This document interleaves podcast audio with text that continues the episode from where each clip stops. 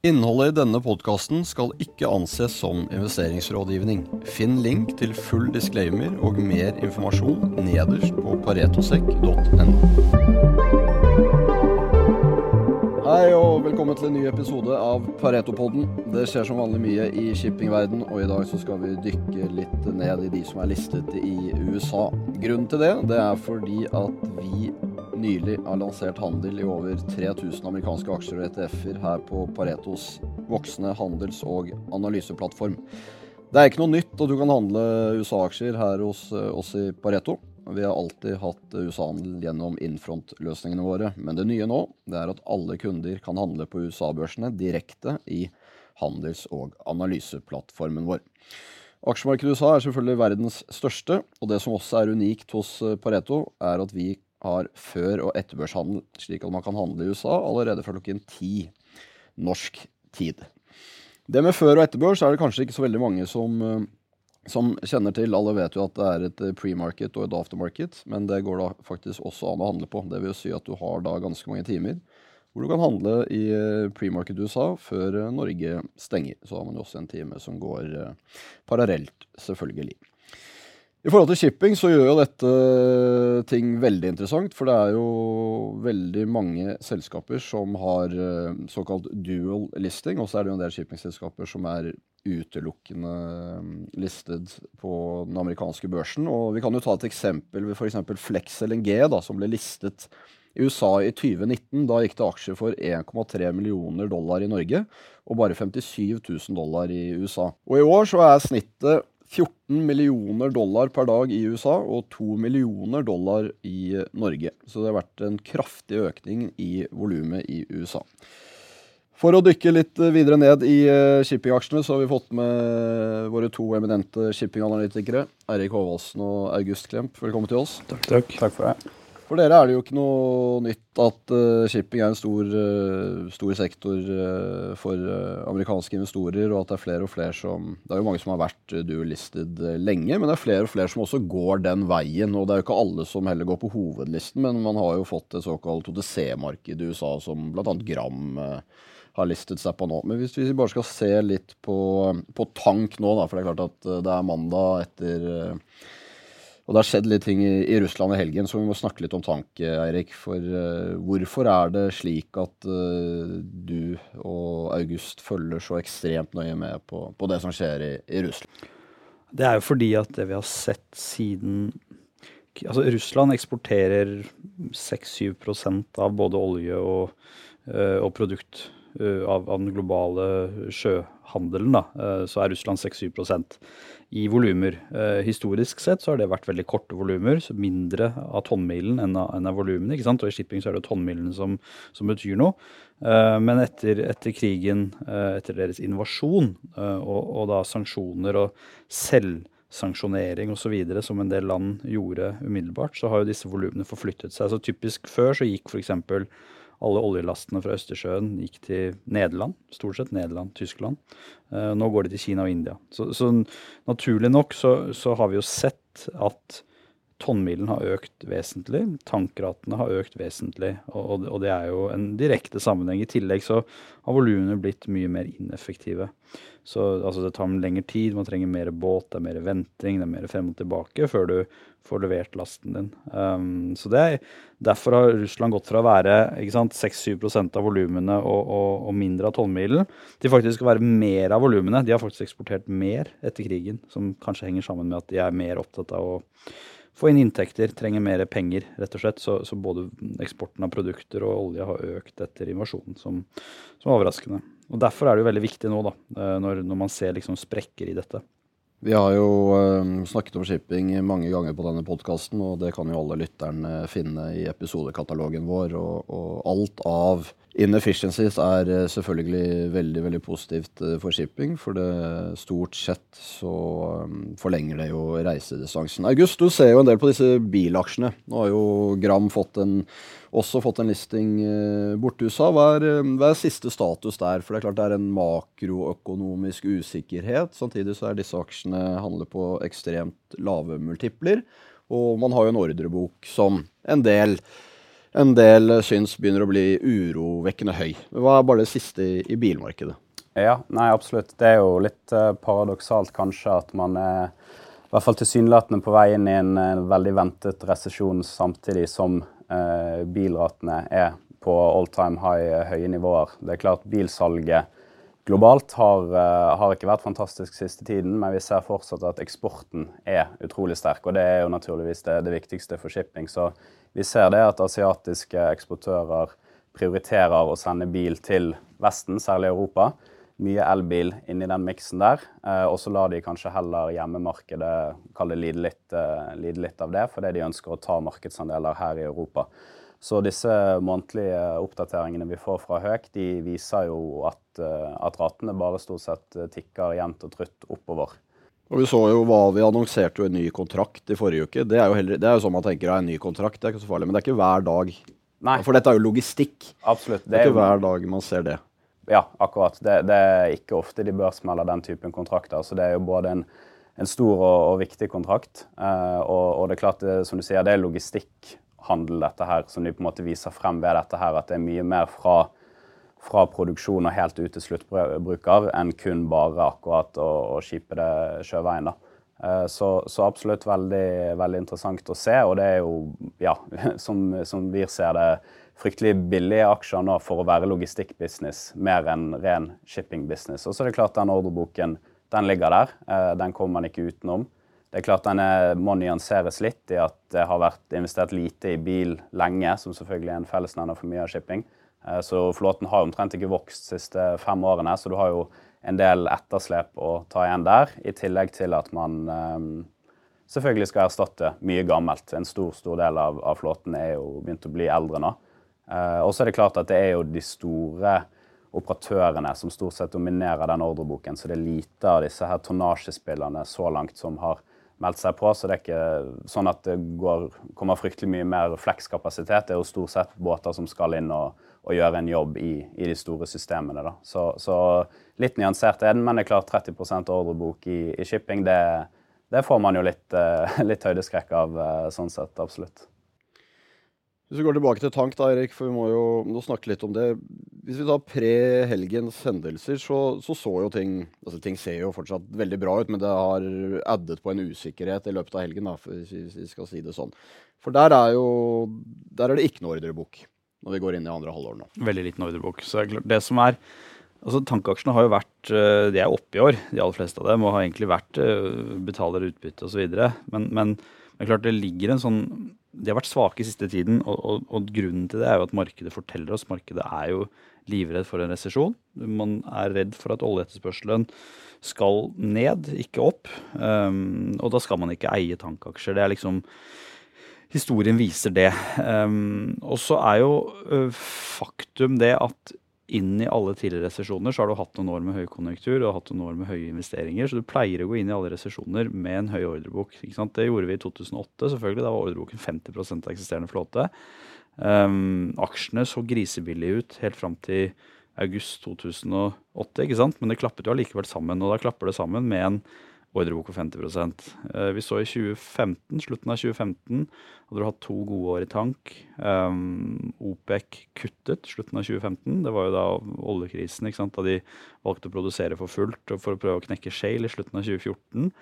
Um, og da var ordreboken 19-20 uh, Til og med da covid kom, da, så hadde du en ordrebok på 15% av ting krakket. Og det tok det da 18 eh, måneder, eh, nesten to år å jobbe seg gjennom.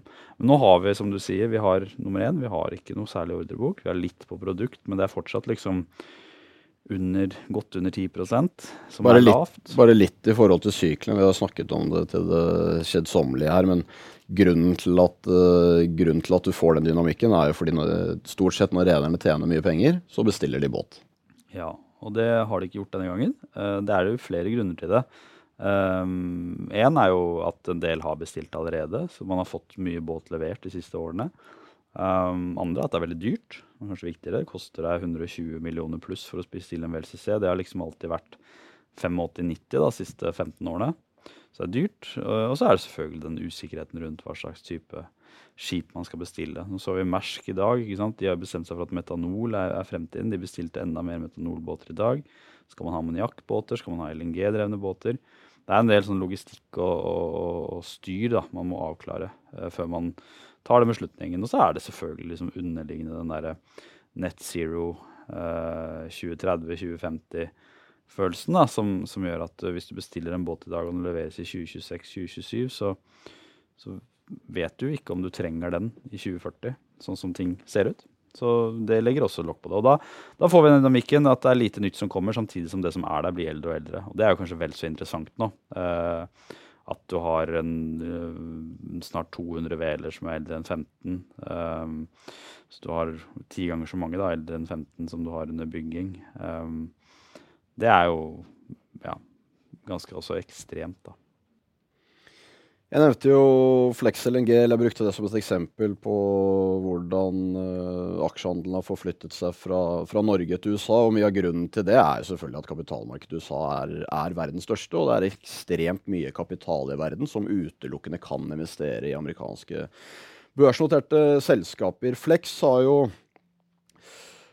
Der har jo storyen egentlig spilt seg litt ut august. ikke sant? Du, du har uh, båter på, på, kontrakt, og du er refinansiert og, og strømlinjeformet hele, hele, strukturen. Og så har du Cool Company, som for så vidt også har en US-listing nå. Uh, der, er, der er dynamikken i caset litt grann annerledes. Vi tar lytterne litt igjennom hva som er hva man spiller ved, ved, ved å kjøpe Cool istedenfor Flex, f.eks. Ja, absolutt. Nei, når, når Cool ble spint ut av, av Golar og, og, kom på børs, så var jo det med en del åpen kapasitet og litt som en sånn kall det motvekt til Flex, at her har man litt mer, mer ledig båt og kan spille spotmarkedet, eh, mens Flex hadde låst ut mesteparten av flåten. Og så har den dynamikken endret seg litt. Man har jo på en måte sett at spotmarkedet i LNG-shipping ikke fungerer som det gjør i, i mye annen shipping, som tank og, og tørrlast.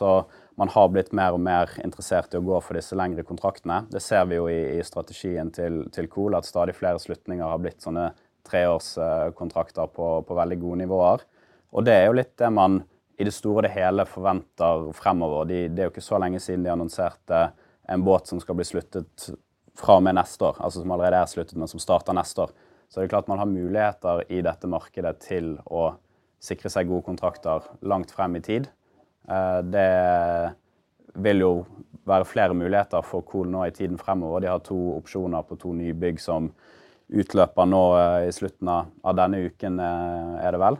Som det fort vil komme noen nyheter på nå nylig. Da forventer vi jo også lengre kontrakter. Gjerne dette vil jo være to helt ferske nybygg i, i slutten av 2024 som vil være noen av få åpne båter i, i verdensmarkedet. De vil jo kunne kunne få veldig bra kontrakter på sikkert lengre enn en tre år, typisk eh, syv til ti eh, kanskje er å forvente. Og så har de en åpen båt til mot, inn mot vintersesongen som kommer til å være helt prima når, eh, når, temperaturene blir litt kaldere og man ser mot vinteren. Hva de velger å gjøre med den, gjenstår jo å se. Det er klart De kunne helt sikkert sluttet den nå hvis de ønsket det, men, men kanskje de vil prøve seg på, på, litt mer kortsiktige muligheter der. Så det er klart man, det er jo som du sier, at, at uh, man beveger seg litt sånn mot på en måte et Flex-lignende selskap i den forstand, med mye av flåten på lengre kontrakt. Du har fått eh, dual-listingen i USA også, som, som, trolig vil hjelpe å, å få opp interessen og, og muligheten for, uh, for, amerikanske investorer. så det er klart at man, man, er på vei i litt sånn samme retning, men foreløpig ikke priset deretter. da. som på en måte er fair. Man, man har jo noe å bevise over tid her, men vi tror jo at, eh, at det på sikt vil, eh, vil, komme på plass. Vi snakket litt om eh, ordreboken på bil i sted, og hvordan i et shippingmarked med hvordan folk alltid blir litt bekymret for det. Og det var jo kanskje litt storyen, inngangen til året i LPG, Eirik. men der har vi ikke, det har vi ikke sett noen tendenser til enda, for der har du sett et knallsterkt marked i, i første halvår. Hva, hva er grunnen til det? Nei, det har jo vært uh, at du har hatt liksom Du har hatt litt sånn alle stjerner har uh, Hva heter det? Vært på linje, uh, for å si det på norsk. i marked hvor etterspørselen i Asia har vært ganske god. Og, ikke minst har du hatt altfor mye propan tilgjengelig i USA. Da. Så det var en veldig varm vinter i USA som gjorde at liksom marginkjøperne av LPG der borte, som er fire-fem millioner husholdninger som bruker det til å varme opp om vinteren. De trengte ikke kjøpe, så prisene falt. Dette her er jo på en måte et, et biprodukt, et, nesten et, ikke et avfallsprodukt, men det er i hvert fall noe du liksom det er ikke noe du driller etter, ikke sant? Så, så de må bare bli kvitt det. Uh, legger det på lager i den, i den uh, grad de kan. Men prisene i USA falt, sånn at det var en veldig veldig vid arbitrasje da, mot Asia. For der er prisene mer korrelert i olje og, og sånn. Så du har hatt sterk etterspørsel i, i, Asia, samtidig som du har hatt altfor mye tilgjengelig i USA. Og så har du hatt litt problemer der òg. Panamakanalen er ikke dimensjonert for trafikken du har nå. Um, Nybyggene har ikke helt kommet ennå. Og så er det klart vi er i 2023. Du begynner å se at det er en del skip som dokkes osv. som ble levert for 9-10 år siden. Um, så det er jo en kombinasjon av alle de faktorene der, der som har gjort at ratene holdt seg eksepsjonelt høye. Og, og, det kan jo nå vare litt, da. I hvert fall vare gjennom sommeren og utover høsten. Men går, det er en sånn følelse hele tiden over at klokka er kvart på tolv, og at liksom det skal normaliseres. Men det har veldig mye å si nå. Og, og den som på en måte er usikkerheten nå, da, er jo klart knyttet til amerikansk produksjon etter hvert. I et scenario der riggaktiviteten eh, på Shale faller dramatisk, og, og, man begynner å måte, justere ned vekstprognosene eh, ganske signifikant der. da.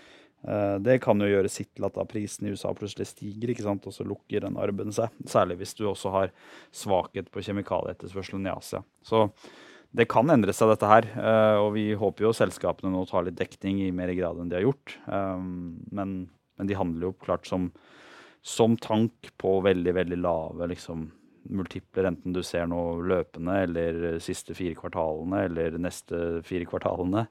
Det er ekstremt lav prising. Markedet tror jo ikke på at situasjonen i dag skal vedvare i det hele tatt. Her er det jo ikke noe, noe dual listing. Du har egentlig tre navn som gjelder. og Du har BV Avan som er i Norge, og så har du jo Doran RPG som kanskje er litt mer ukjent for, eh, for den lytteren som hører begynte, på oss her Begynte i Oslo, Dorian også. Var ja, det er for så vidt sant. Uh, Men der har, du, der har, du, et godt eksempel mm. på, på, hva du kan oppnå med en amerikansk prising. Altså en amerikansk listing. For det er det som ofte er forskjellen. Du har en ganske stor kjøpegruppe i USA som sparer eller har liksom alle pengene sine i aksjemarkedet, og de elsker sånne utbytteaksjer. Så Dorian betalte jo ikke en dollar i utbytte de første åtte årene de var notert. Eh, men så begynte de, og så har de betalt liksom én dollar i kvartalet.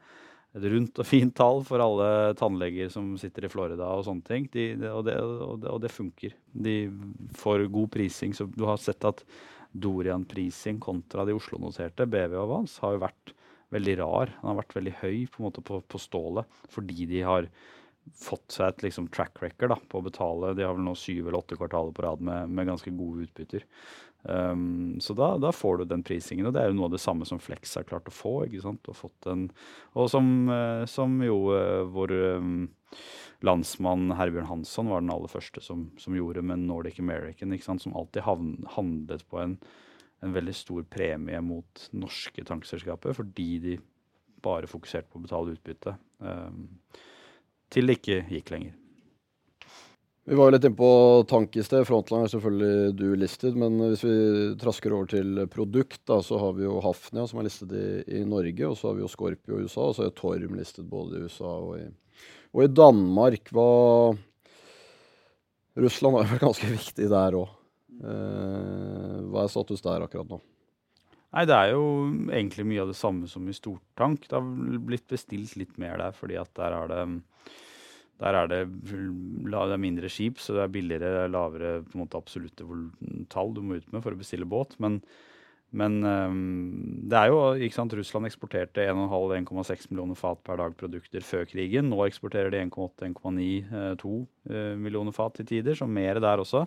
Uh, og det er diesel som stort sett gikk til Europa før, diesel og nafta som brukes i petrokjemi, som nå går liksom litt all over the place. Um, det går ikke like entydig til Asia som, som, olje gjør. Det går liksom til Afrika, Midtøsten, Sør-Amerika, uh, litt EU-land eller Europaland som ikke er under sanksjonene og sånne ting. Så, og, og, litt til Asia. Um, men det er klart det er vel, og der er jo det er enda sterkere sesongmønstre, nesten. Så det er klart vi er i lavsesong i produktet nå. Uh, MR-rater er eh, rundt 20 000 dollar dagen, som på en måte historisk kontekst er veldig veldig gode tall. Men det er klart det er litt lavere enn det man hadde i vinter da, og Q4. Men uh, igjen, det er jo veldig vanskelig her. Og det er det som gjør at vi fortsatt mener man skal eie disse aksjene og, og, og kjøpe disse aksjene gjennom sommeren, fordi at um, vi har sesong her, og det kommer ikke noe båt mellom nå og utgangen av ja, i hvert fall inn i 2025. Uh, så vi kommer til å ha perioder med kjempe, kjempehøye rater her, med mindre verdens oljekonsum og produktkonsum da skal, skal, skal, ned med flere millioner fat per dag. Det tror jo ikke vi, og det tror jo egentlig ikke andre heller, men, men, men markedet ønsker ikke å liksom ta den risikoen nå, da. Så det avslutter med tørrbulk. da, August. Der er det jo Alle er jo kjent med Golden Ocean. De har jo en, en dual listing. Så har vi jo Bellships, som, som, du dekker her hjemme, som er et litt uh, mindre rederi. Og så har du jo 2020 og, og, Himalaya. Men der er det jo en, en haug av amerikansklistede selskaper. Og det er jo sammen med tank kanskje historisk vært den største sektoren, altså undersektoren på shipping der borte i USA. Hva er det siste der? For der har du jo hatt en litt uh, rar dynamikk i år. Aksjene startet veldig bra i, i, i litt påvente at Kina skulle komme på osv. ifølge med gjenåpning av covid. Og så har de jo egentlig bare kommet rett i retur, for det, det skjer jo ikke så mye borti Kina. Og Kina er jo veldig, veldig viktig for, for mye av det de, de, transporterer, som det er jernbanen for de store båtene. og tørre produkter, da, for de, ja, de mindre. Absolutt. Nei, Kina er jo på en måte, og har vært vekstmotoren i i tørrlastmarkedet. Eh, klart 40 ca. av, uh, av volumene. Så de jo, det som skjer der, styrer på en måte resten av, uh, av markedet. Det var, det var, interessant på starten av året. Alltid sesongmessig svakt rundt uh, Chinese New Year og sånn. Det var det i år også, men aksjene bare overså det 100% og, og durte på videre, som du sier, i, i påvente av en gjenåpning. Så kom aldri helt ratene Det bedret seg naturlig nok, som det alltid gjør, men det kom liksom aldri helt til de nivåene som som var litt priset inn. Uh, så ting har jo begynt å skli igjen. Nå ser vi jo at Cape har, har våknet litt til liv siste par dagene. Uh, litt mer uh, kull som skal fraktes rundt når det begynner å bli varmt borte i, i Asia, for å kjøle ned hus og lignende. Så det er klart, Der har ting kommet litt tilbake, men de mindre båtene er jo fortsatt veldig veldig svake. Da er det rundt 10 000 dollar dagen over hele linjen. Og det er jo et et litt sånn faretruende tegn. Det er jo på en måte de som er litt sånn alt mulig rart. Rett og slett bare et, et økonomibett, sånn sett. Og der, der er det svakt. Eh, så er det klart det er som, som, det er i tank, at du har en relativt lav ordrebok sånn i historisk kontekst. Det har ikke blitt bestilt all verden. Så du, du går jo inn i et par år her nå med ganske moderat flåtevekst, som selvfølgelig er, er veldig positivt. Eh, og så har du også et par interessante punkter på sånn effektivitet og sånn. Det er klart Under covid så var jo veldig mye av uh, ratestyrkelsen drevet av nettopp ineffektivitet ved at man måtte vente fryktelig fryktelig lenge på å kunne få losse, og alt bare gikk tregere. Det har vi på en måte sett forsvinne ut av markedet, men farten har fortsatt kommet godt, godt ned uh, i holdt på å si til sammenligning med, med tidligere.